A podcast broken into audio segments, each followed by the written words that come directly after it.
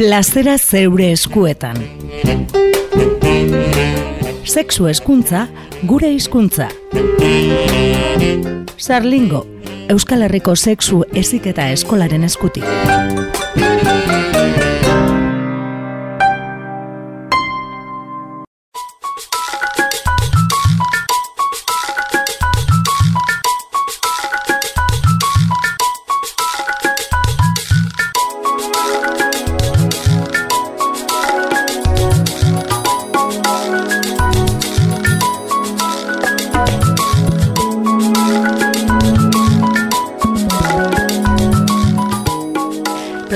Zeure eskuetan irrati tartea duzue hausen zule, seksologia eta gai horiek izaten ditugu.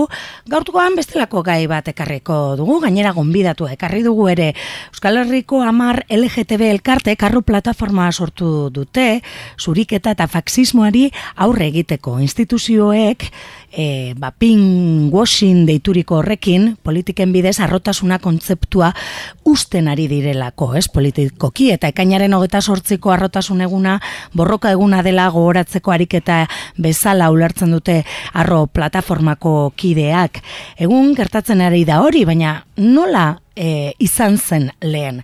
Gaurko gaia hori izango da izpide, hori izango dugu izpide plazera zure eskuetan irrati tarte honetan. Imanol Alvarez batu zaigu, Haupa, Imanol. partez. Bai, bai, laguna dugu eta irratian askotan e, ibilia, ez?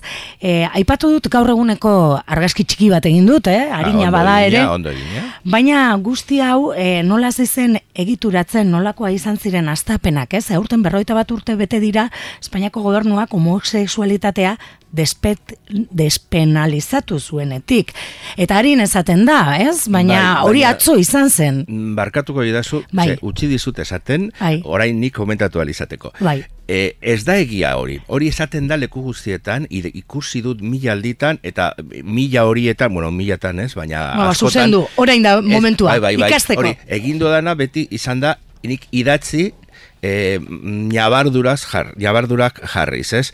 E, egin zena, ondo esan dozu, e, arriskutasun legetik kendu. Kendu. Baina, e, hori baino ez zen egin, eta hori asko zen, hori izan zen gure lehenengo garaipena, ze izan zen gure hasierako lehen lehen, oza, lehenen zegoen errebindikazioa do aldarrikapena, bai? Mhm. Orduan, ederto. Lort, bueno, guk nahi genuen lege osoa mm. Mm. desustatzea, baina, bueno, ez zen izan posible, baina importanteena guretza zen homosexualitatea ateratzea lege horretatik. Baina, e, e, jarraitu zuten zigortzen jendea Mhm. eta gartzelara eramaten jendea beste bide batzuetatik, ez? Vale. Eta orduan, kode penaleko artikulu bat zegoen, eskandalo publikoa zeritzona zigortzen zuena eta hori erabiltzen zuten. Gero beste bat zegoen, gaur egungo ikuspegitik kostatzen zaio jendeari, batez ere gaztei izugarri kostatzen zaio ulertzea, baina bat zegoen beste bat adingabekoen korrupzioa eta adingabekoak legez eta sexualitaterako zen pertsona bat hogeta bi urte bete arte. Hogeta bi uste dut, edo agian hogeta lau, bueno, hogeta bi uste dut. Dana dala, e, hori gutxiagotan, ze horretarako e, gazte izan behar zenuen, eta, bueno, baina e, hori ere aplikatzen zuten. Eta amaitzeko, oraindik zegoen hirugarren bat, kode militarra. Kode militarra oso berandu arte etzen aldatu. Eta guk izan genituen egankideak gartzelatuta kode militarra aplikatuta. Bai, ez, bueno, batzarto esan dak, e, zuzenduta, aztepenentara joan da, duela berrota lau urte ez, e, Franco hil zan, eta frankismoak e, bai izan zuen jomuan, ez, homosexualitatea, Bai. eta hori zapaltzeko bain bat lege egin zituen espreski, ez, e, bueno, eta beste eskubide batzuk ere zapaltzeko esango du, dugu. Bai, eta bat hori da aipatu duzuna, ez, arrisku garritasunaren eta gizarte errehabilitazioaren legea, eta hor zegoen, ez, homosexualitatea. Bai. Eta zuek hori eh, aipatu duzun bezala, Hore, gure lehen aldarrikapen nagusia Mm. izan zen, bai. Eta horretarako Bilbon egin zen, eta hori oso importantea da, mila beretzen da, iruketa mazazpian bertan, azaroan egin zen manifa bat, e, garai hartan zegoen, e, gaur egungo eguzpegitik eta izen horrekin ere ez genuke egingo, baina e, marginatuen koordinakundea edo marginatuen maia, bueno, holan, ez, deitzen ziren lekuaren arabera, bai, gaur egun oso gogorra litzateke bai, izen hori, baina sokor, sorokatu, Sokoratuak. Eta, bai, bueno, eta horren barruan zeuden feministak, Hmm. eta e, e, zeuden preso sozialak, eta gugeu, eta prostitutak ere bai. Mhm. Ze, prostituten baten komitea zegoen Bilbon, ez? Eta, bueno, oie guztiok e, geunden, e, arriskutasun legiaren kontra, eta itzaldiak eta maten genituen e, auzo herrietan, eta bar, eta... Hori, transizio garai hortan, bai. e, e, e, dinoten zuleare kokatzeko segazte askorentzat hori oso urrun geratzen da. Bai. Eta atzo izan zen. Bai. ez da... Hori da. Eta giroa oso... Mazazpiko azaroan egin genuen mm kristolako manifa, bueno, kristolako lau mila bat lagun, eta hori asko da. Eta prentxan gutxi atera zen, baina, bueno, zerbait bat atera zen. Eta, e, bueno, ba, Cortes mm, San Franciscotik eta hortik eta parte zarretik eta joan ginen bitartean ondo. Baina saiatu ginenean ja ensantzera pasatzen, mm Nafarroa kalean jipoitu egin gintuzten ja pentsatu zuten, bueno, hauek marginatu arraro hauek utziko ditugu parte zarretan, baina ja Mercedes Gran Biara eta ezin dira inondik inora heldu eta bueno. e, mila bedatzeron da irurogeta mazazpian sortu zen egan, ez? Bai, Hortxe, e, buelta hortan? Bai, bai, bai, bai. Ofizialki e, urte horretako hasieran, mm. otxailaren ama, mm. ez, ez, e, urtarriaren amaieran edo, egin genuen jendaurreko aurkezpena. Mm. E, ideia, pues, apurtxu lehenago, big beti esaten dut, e, gustatzen zaite esatea Durangoko azokan sortu zala ideia eta sortu egin zelako bertan. Durangoko azokan so, gauza asko bai, irturburu izan, da. Aurreko urteko mm zeran, gara hartan azaroaren e, baten inguruan mm, egiten zen azoka, eta orduan hor sortu zen, eta, eta harineketan, osea, bizpairu hilabetetan, ja e, aurkeztu genuen taldea. Mm. Zer suposatu zuen, e, elkarte bat, horrelako elkarte bat sortzea, ba, kolektiboaren zat, ez? Momentu horretan, ez? E, egin dugu, irudikatu dugu, ez? Garai hoiek, ez? Franco Iberri eta transizio urte hoietan edo, transizio bai. deitu zaion horri. E, erronka zen, e, nik oso argi neukan, eta gainera, e, naizta oso baikorra naizen berez, mhm. aitortu behar dut, e, kasu honetan nahiko eskorra nintzela, ez nuen pentsatzen aterako zenik, mhm. eta atera egin zen. Ez? Orduan, alde horretatik pozarren nago, e, lortu genuelako lortezina zirudiena. Mm Bueno, aipatu diguzu, ez? E, eskandalu publikoaren legea hori urtetan onartu e, e, bai, egon zan, orain ez dut txuleta ekarri eta ezin bai. dizut esan zehatzmea ze urtetan e, e, ba, indargabetu zen, baina egon zen, e, bueno... Mia behatzeun dalaro eta zazpian indargabetu mm, zen. Ba, Begira, hori, bueno... Ba, hori, ba, ia mar urte geroago, mhm. bestea baino, eta bai. horregatik dinotxut, kontuz, ze e, jendea... Bujaioak eta ja, bai, ekoskortuak eunden urtean. Bai, bai. Mm E, eta gero e, e, zigor kodearen azegoen ere, ez horre ere? Bai, e, bueno, bai, eskandalo publikoa zigorko de barruan zegoen, artikulo bat zan, e, edo bi, egia zan, baina bueno, tira. E, dena dela, guk beti pentsatzen genuen legeak oso importanteak ziren eta aldatu behar ziren, eta gero etorri ziren, nahi baduzu lagunduko dizutan, mm ez? Etorri ziren e, bikote legeak, eta geroago, bueno, hainbat gauza, e, despenalizazio batzuk, e, beste bota batekoak, e, gero transexualitatearen kontuak, e, eskontzeko eskubidea, eta hori guztia, purka-purka joan zen etortzen, eta kristolako lorpenak dira, baina guk argi izan genuen beti e, bi, bueno, hainbat arlo geneuzkan e, lan egiteko, bata zen legea, legeena, baina bestea gizartearen, eta gizartearen zen askoz garrantzian diagokoa bestea, baino. Urte horietan, suposatzen dut gizartearen iritzia eta ikusgarritasuna izatea ere kolektibo giza, askoz ere zailagoa izango zela, ez? Bai, edo e, ze begira da, ze... Ver, gizartea zen oso machista, mm bueno. oso heterosexista, mm o, mm, bueno, ez dakit oso katolikoa zen, baina ofizialki bai, oso kristaua erligiotsua nahi duzun bezala, erligiozale, edo, bueno. Eta e, orduan horrezegatik pentsatzen nuen ezina izango zitzaigula, mm. ez? Baina e, nola esango nuke, e, giro politikoak lagundu gintuen, ez? Mm Franco Hilberria, zen, nik askotan esaten dut oraindik bero zegoela. Eta e, orduan jendeak kristolako gogoak zituen gauzak aldatzeko, askatasunen alde edo zer egiteko, eta hori zalata igual intuizioz badabe mm. onartzen zituen gaur agian onartuko ez lituzken gauzasko. Okarrera egin du, agian, beste...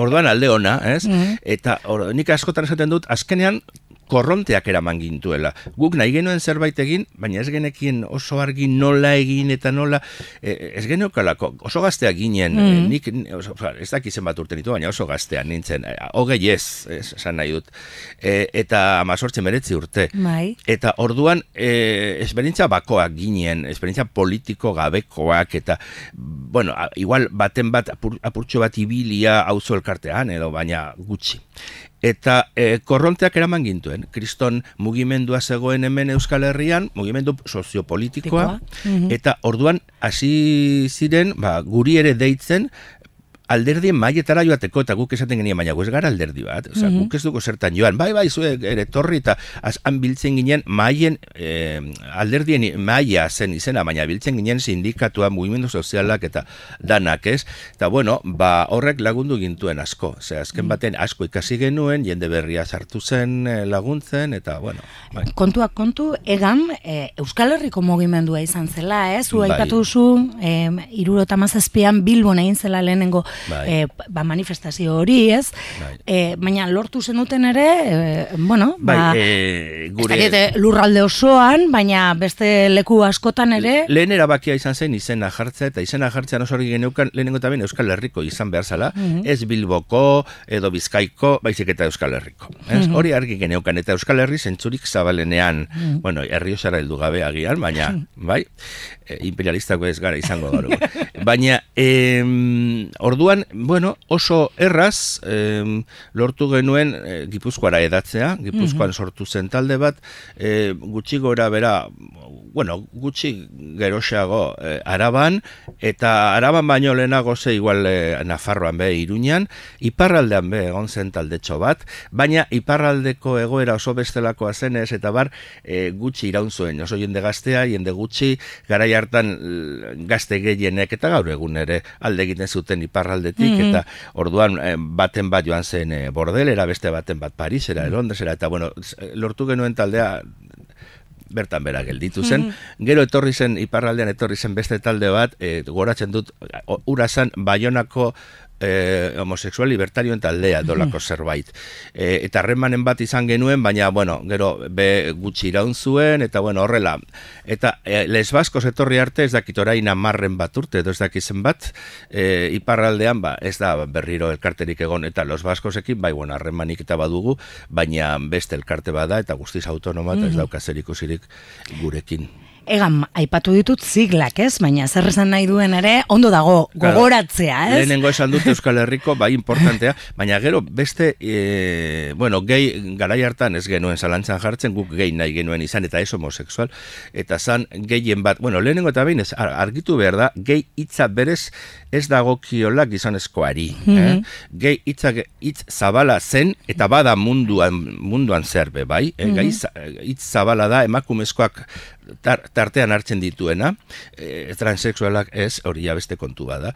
Eta em, guk nahi genuena zan, hitz hori naizta jakin momentu horretan ingelesetik hartzen genu, hartzen genuela maileguan, ba gai mugimenduak berak, ordo, guk berak eh, han eh, Ameriketan, baina bueno, sortutako hitza zalako, ez mm medikuntzak sortutako hitza, ez politikariek sortutako hitza, baizik eta guk geuk sortutako hitza zalako. Eta garai hartan oso eduki errebendikatiboa zeukan. Gaur egun zoritzarrez galdu duena neurri handian, ez? Mm eta baita ere lehen esan dudana, ez? Lehen hitz oso zabala zen. Orain estutuz joan da. Estutuz eta gizon bai, eh, gaztelaniaz eta gure euskeraz gutxienez horrela mm. gertatu da. Zoritzarrez, zeberez, oraindik ikusten ditugu eta batzuk eh, batez ere gazteak esarritu egiten dira pelikula amerikarrak eta pelikula amerikatan e, emakume lesbian hori ere gehi deitzen diete, mm problemarik gabe, ez?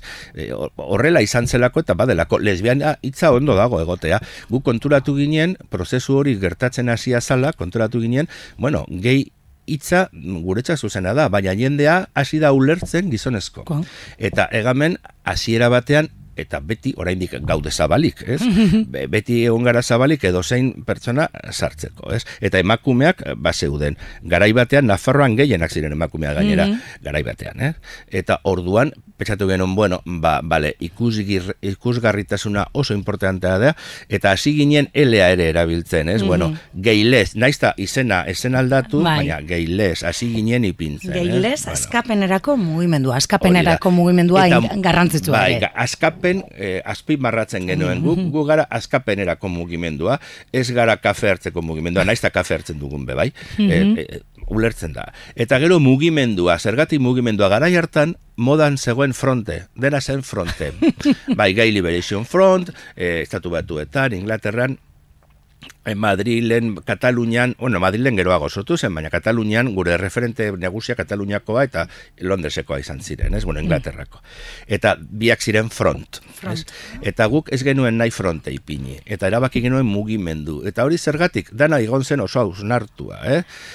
E, ba, pentsatzen genuelako Euskal Herria zegoen bezala zegoela eta zen bezala ze, e, zenez, e, bueno, ba, e, guk borroka bai, azk, e, hori importanteena, baina gero segurazki laguntza zerbitzuak eta bete mota askotako ekintzak egin beharko genituela eta bara, e, eta orduan mugimendu zabalagoa zen be bai, fronte baino, ez? Bai. Politiko, politikorako, lan politikorako balioko zuen, baina baita lan sozialerako ere. Eta guk biak egin nahi genituen, eta eta saiatu ginen egiten. Eta hortan, e, e, aritu zineten, ez, urtetan, ez? Bai. E, bueno, ikusgarritasuna jartzen mai gainean, Hmm. ez, e, gertatzen zirenak salatzen, kalera ateratzen, baina aipatu duzuna mugimendu e, moduan, ez? Bai, Hori da. Eta bueno, eta neurri batean segitzen dugu egiten. Ger- Gertatzen dena dala, bueno, alde batetik horretan ere gauzak asko aldatu dira eta talde txiki asko daude eta egan e, txikiagotu eginda beste talde berri hoien e, mesedetan eta e, bueno, e, gainera guk nahi genuen e, alde, alde soziala zerbitzuen aldea gehiago delegatzea beste batzuetan. Eta e, e, kriston aleginak egin genituen berdindu Zerbitzua, e, esaten duzunean da, e, e, bueno, hori e, instituzionalizatzea esaten dudanean da profesionalizatzea, Bai, ez? bai, bai, E, eske gure gehiago. Mm. ustez is- e- erakunde ekartu behar zuten hori, argi eta garbi. Eta, bueno, guk nahi genukeen, ba, gero, orain gutxi Nafarroan egin zen bezala, olako zerbitzuak at- e, egitea, zerbitzu itxurosoak, ez?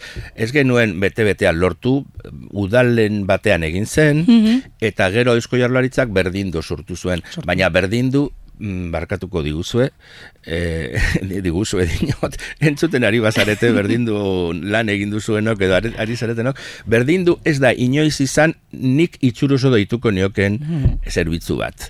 E, lehenengo hasi zen bulego sistrin bat e, lau katurekin eta ez da ez dakin noraino ematen zuten zerbitzu ona, hobe ez hitz egitea horretaz, eta gero mm, bueno, PSOE gobernura heltu zenean desegin zuen, esanez berregiteko zela, baina ez zuen berregin, egin zuena izan zen hainbat elkarteri pasatu lana. Eta elkarte horiek egiten dute euren oberena. Bai, eta ez bai, daukate bai. zer hoi- horien kontra, baina hori ez da erakundeek egin beharko luketena nire ustez. Gaur egun oraindik ere gamek eskatzen zuen hori egin gabe dagoela esan aldugu, ez? Bai, bai, bai. Nafarroan salbu, eta, eta, eta ea ze gertatzen den, ze Bueno, eskuinak kontuz. nahi du kendu badakigu, badakigu, Nahi. ez? Eta hor daude borrokan. Mhm. Bueno, hortan borrokan ibili zineten, eta aipatu dituzu, ez, gauza batzuk aldatzen joan zirela, ez, e, elkarte gehiago sortzen ere joan ziran urteekin, ez? Printzipioz hori positiboa zan, Bai. ze, ze, e, mugimendu bat ez da monolitikoa Hmm. izan behar, ezin da monolitikoa izan. Eta orduan normala da e, borroka ikusteko modu diferenteak, interes diferenteak egotea, naiz da gauza batzuetan eh, jakina ba, ados egon, eta bar. Eta urtetan eta urtetan ondo joan ziren gauzak Hmm. gutxi gora bera. E, gero, hasi ziren eh, arazoak hainbat elkarterekin, ba, bueno, ba, ez dut aipatuko ez duelako merezi, baina enfoke oso oso diferentak zirelako eta ja tirabira eta aurre aurreko nola ez, ez daki nola esan, baina bueno, nola baita konfrontazioaren bat eta egon zen eta bueno, e, oso larria bez, eh? bueno, exageratu gabe. Baina esan nahi dut ados jartzea oztopatzen zuten neurrian babai. Eta orduan, e, bueno, azkena izan da, eta larriena, ba, azken urteotan, Pride deritzen hoiekin, ba, bueno, alako batean, e, orain ez dakizen bat bost bat urte, egun batean Bilbon gehien saltzen den egunkarian irakurri genuen titular bat. Lehen aldiz ospatuko da Bilbon gehi arrotasun eguna. Aizu, berrogei urte dara matzago egiten. Bai, eta horren arira, e, zu zeuri e, irakurri genizun, e, ez argia e, astekarian, edo, bueno, iritzi maia ibilten zarelako erean, eta hemen. bai. bai. Eta jartzen zenuen, edo zure sare sozialetan ere, askotan aldarrikatzen dituzu, ez, egindakoak edo egin beharreko horiek, ez. E, da irurogeta bederatziko hasiera hartan, e, hasi zineten, ez, Euskal Herrian, e, bueno, e, sortu zela, ez, e, ba, egan bezalako elkarte bat, ez? E, gizarte irauli nahi zuelako, ez? Eta eskapenerako mugimendu bat sortu beraz. Ez du ez dezagun gezurrik esan, ez? Hori da eta e, bueno, gertatzen zena zen, e, sortu berria zela, a ber, bueno, gauzak argi izango ditugu, inor mindu gabe, baina gauzak argi. PNVek e, askotan egiten dauena da, berak ezin, e, ezin badu manejatu gauza bat, berri bat sortu paralelo bat, ez? Orduan, PNV nahi zuen beste taldeokin antolatu e, Madrilen bezala, Madrilen egiten denaren antzeko ospakizun bat, ez? Mm -hmm. Bueno, inaute iritik dato, daukana gehiago aldarrikapenetik baino. Eta, e, bueno, ba, hemengo taldeok denok, mm ez ematen genion behin eta berriro. Hori hemen gaur egun talde asko daudela, bai, ez? Bai, bai, bai, bai. Eta orduan PNV zer egin zuen, bale, onartu, ba, zuekin ezin dute egin, ederto, baz dugu egingo. Egingo duguna da, geure taldea sortu, eta sortu zuten euren taldea. Mm Eta orduan, e, sortu zen talde berri bat, e, hain zuzen, ia, bakar bakarrik, pride horiek antolatzeko. Antolatzeko. Mm Eta diru askorekin eta bitarteko askorekin eta urte urte, bueno, azken urteotan, ba joan dira ez dakit azten, baina diru aurre, eh, aldetik bai azten eta bueno, ba ba hor daude. Eta nik askotan esan dut nahi badute edo nahi baituztelako jadunaldi batzuk egin, libre dira egiteko. Noski ez.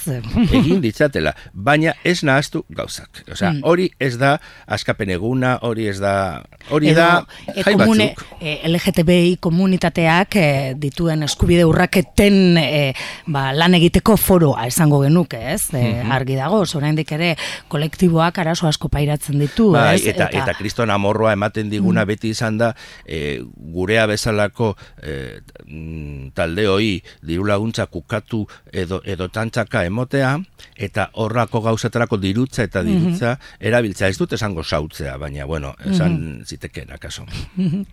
ez, bueno, azken finean ere, gaur egun elkarte hoiek, e, bueno, ba, existitzen badira, eta lanean badaude, ez, e, orain aipatu den bezala, badenak elkartu direla arro plataforma hortan, ez, e, baina, bueno, hor, e, ba, esan dut, eh, hainbat eh, Euskal Herriko, hainbat eh, bai. elkarte eh, batu direla da, e, bueno, ba, kolektibo hoiek, oraindik ere, ba, eskubide urraketak dituztelako, arazoak dituztelako, gizarteratzeko, e, hainbat kontu egiteko, ez? Eta horregaitik oraindik ere mugimendu hoiek edo elkarte hoiek existitzen dira. egia esan, ez dakit domina jartzea ondo dagoen, baina e, esan behar dut, e, egametik ikusi genuela kezkaz, e, bo, igual, ondo dago beste talde batzuk egotea, baina agian ezote zegoen atomizatzen, gehiagi atomizatzen e, borroka. Eta nola bait, lortu behar genuen horri forma bat eman, eta hasi ginen badeiak egiten eta bilerak egiten, mhm. eta hortik sortu zen arro.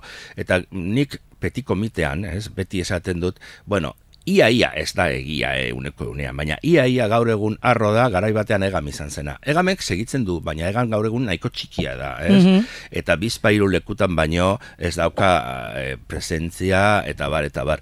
Baina arrok betetzen du utxune hori nola bait, eta gu posarren gu arro barruan gaude, gu ez gara arro, gu gara arroren zati txiki bat. Mhm. Baina e, posi gaude nola bait gure lekuko hori norbaitek edo zerbaitek hartu duelako. Ez? Baina ez dugu astu behar, zenbat urtetan egamek gehi eta arrotasun egun antolatu duen, ez? E, urtetan e, elkarte bakar giza, gero bai. urtetan e, ekainako eta sortziko koordinakundiarekin bai, elkarlanean. Bai, lehenengo eta behin e, sortu ziren egametik gain gainera irten ziren ba, Andre batzuk e, egamen sartu nahi ez zuten beste Mhm. batzuk ekin batera e, ba, lesbianen kolektiboak egiteko eta naizta gure gure tartean e, neska batzuek segitzen zuten, bueno, ba, onartu behar realitate hori eta hasi ginen e, urtetan eta urtetan e, lesbianen kolektiboa eta et, et- eta egamek antolatzen, bai hemen, bai beste hirietan eta bar, eta gero bai gero jak e, a- a- areta talde gehiago Ja. sortzean, ba orduan koordinakundeak sortu ziren eta horrela ibili gara eta segitzen dute koordinakunde horiek, eh? Ba, bai, eh, kainako eta sortziko egun hori, eh. Bilbon ez aterako, eus, eh, Bai. kainako eta sortzi koordinakundeak antolatzen du egun hori, ez? Bai, Gero ez dakite aurrikusita daukazun, baina gero ideologikoki be e, aldaketa importanteak egon dira, onerako eta eta txarrerako. E, ze adibidez guk hasiera hasieran oso argi geneukan e, sexualitatea anitza dela edo askotarikoa. Eta eta orduan mm, beti pentsatzen genuen nola baita esaterren konpartimentu estankoen kontra geundela, ez hitzaigun gustatzen, orain, orain e, binarismoa deitzen zaio, zorionez itzuli gara, eskaz, koskotan gauzek bueltak eta bueltak ematen dituzte gero jatorrizko lekura heltzeko iaia, baina bueno, zorionez elurbolak bezala buelta bakoitzean aberastuz doaz, ez? Eta orduan ondo dago. Ba, gu gara hartan mm, binarismo ez diotzen, ez genion deitzen, gen, deitzen genion bi, e, e, bipolarismoa. Baina gero igual agian bipolar hori hasi zenez erabiltzen e, Gaixotasun, buru gaixotasun baterako ba, aldatu behar izan zen, ez? Eta e, okontua zen, dana esela gizon emakume, eta gaur dator cis, trans, e, intergenero eta eskurtso guzti hori, baina guk horretan heldu- horretara heldu gabe, oraindik e, ba, bueno, bai. Ikusten zenuten ezela Bai, eh, eh, eh, bakarrik laburdu da, emakume gizon. Hori da, eta ez homo hetero, eta ez, mm, ba ez dakit, e, beltza eta zuria mm, ondo daudela, baina tartean gris asko daudela, eta beste kolore asko ere badaudela. Eta orduan, ba dena, dena laburtu, eta, eta e, ba, oize, e, nola esan daiteke laburtu, e, Simplifikatu. Sim, bai, txikitu edo bai, e, sexualitatea eta bizitza oro har askoz handiagoa da, askoz zabalagoa da eta ezin zaio ateri jarri eta ezin za, ezin da zailkatu horren e, modu itxian, ez? Eta hori zen gure borroka. Eta hori aldarrikatzen zenuten, ja Bai, hasieratik horrela bai, ikusten zenuten. eta- Naiz eta gaur egun ba, eh, izenak edo de, eh, eh, deitzeko formak eh, aldatu Bai, hogei diren, ez? urtetan egon zen egon zen eh, argitaratzen gehotza izeneko aldizkaria eta gehotza zaharretan denek daude sarean PDF-en eta orduan ikusi daitezke gehotza zaharrean lehenengoetan zero zenbakian lehen, lehen zenbakian ja agertzen dira olako kontzeptuak, ez?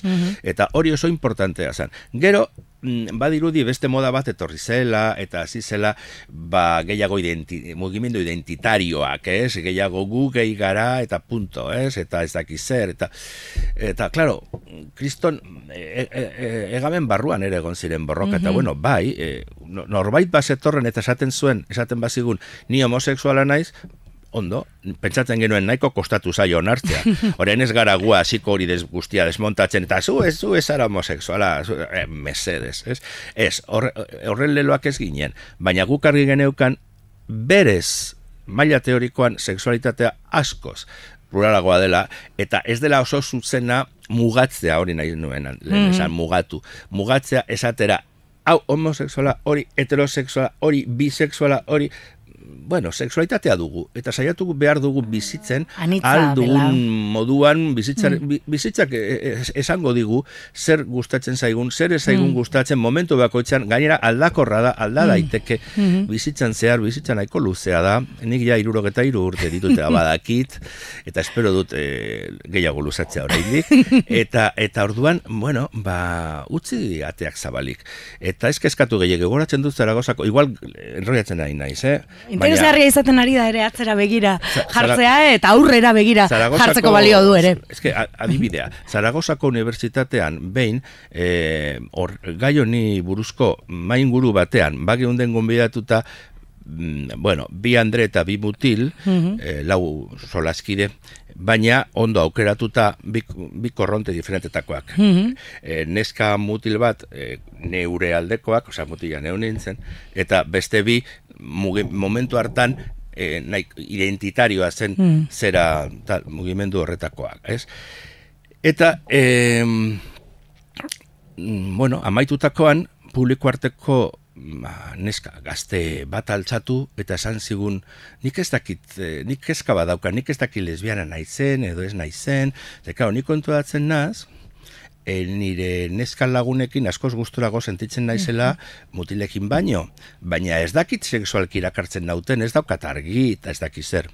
Eta bueno, erantzunak izan ziren mm, bueno, oso bestelakoa. E, ni harrituta geratu nintzen, nire ondoan zegoen neska batek esan ziolako gutxi gora bera, niri zakar, zakarra iruditu zitzaidan eta mesedez hori da laguntzeko daukazuen modua. Esan zion, ah, neska, argi zaitezuk zeu jakingo duzu zer gustatzen zaizun, ez? Bueno, bueno, hori bez ez da, ez? Eta, oza, behartuz bezala, erabaki behar duzu, ez? Mhm. Eta, guk kontrakoa esan genion, bueno, kontrakoa ez, esan genion, bueno, lasai hartu, e, momentua heltzen denean, norbait gustatu behar bazaizu konturatuko zara. Konturatuko zara, bai. Ez bazara konturatu da, inork ez dizulako tilin egin. eh? Egiten dizunean konturatuko zara. Eta konturatzen zarean saiatu bizitzen. Claro. Eta kitxo.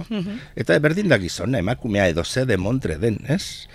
Eta bueno, ba, hoize, eta gero, ba, zorionez, E, hortik ere ba, horko batzuk eta ez orionez dinot e, etorri zen queer mugimendua. Queer mugimendua bai. E, queer mugimenduan ere hori ere ez da monolitikoa mm. hor korronteak ere badaude eta aldatuz joan dabe bai. Hasieran ez itzaigun gehiagi gustatzen. Gaur egun, konturatu gara, gaur egungo kuien mugimendu, bueno, korronte nagusiak ez dioena da, guk hasieran esaten genuena. Mm. Orduan posarren gaude nola, baitez, mm. nahiko identifikatuta sentitzen gara. Baina prozesu horretan, denbora guztian ez da horrela izan, eh?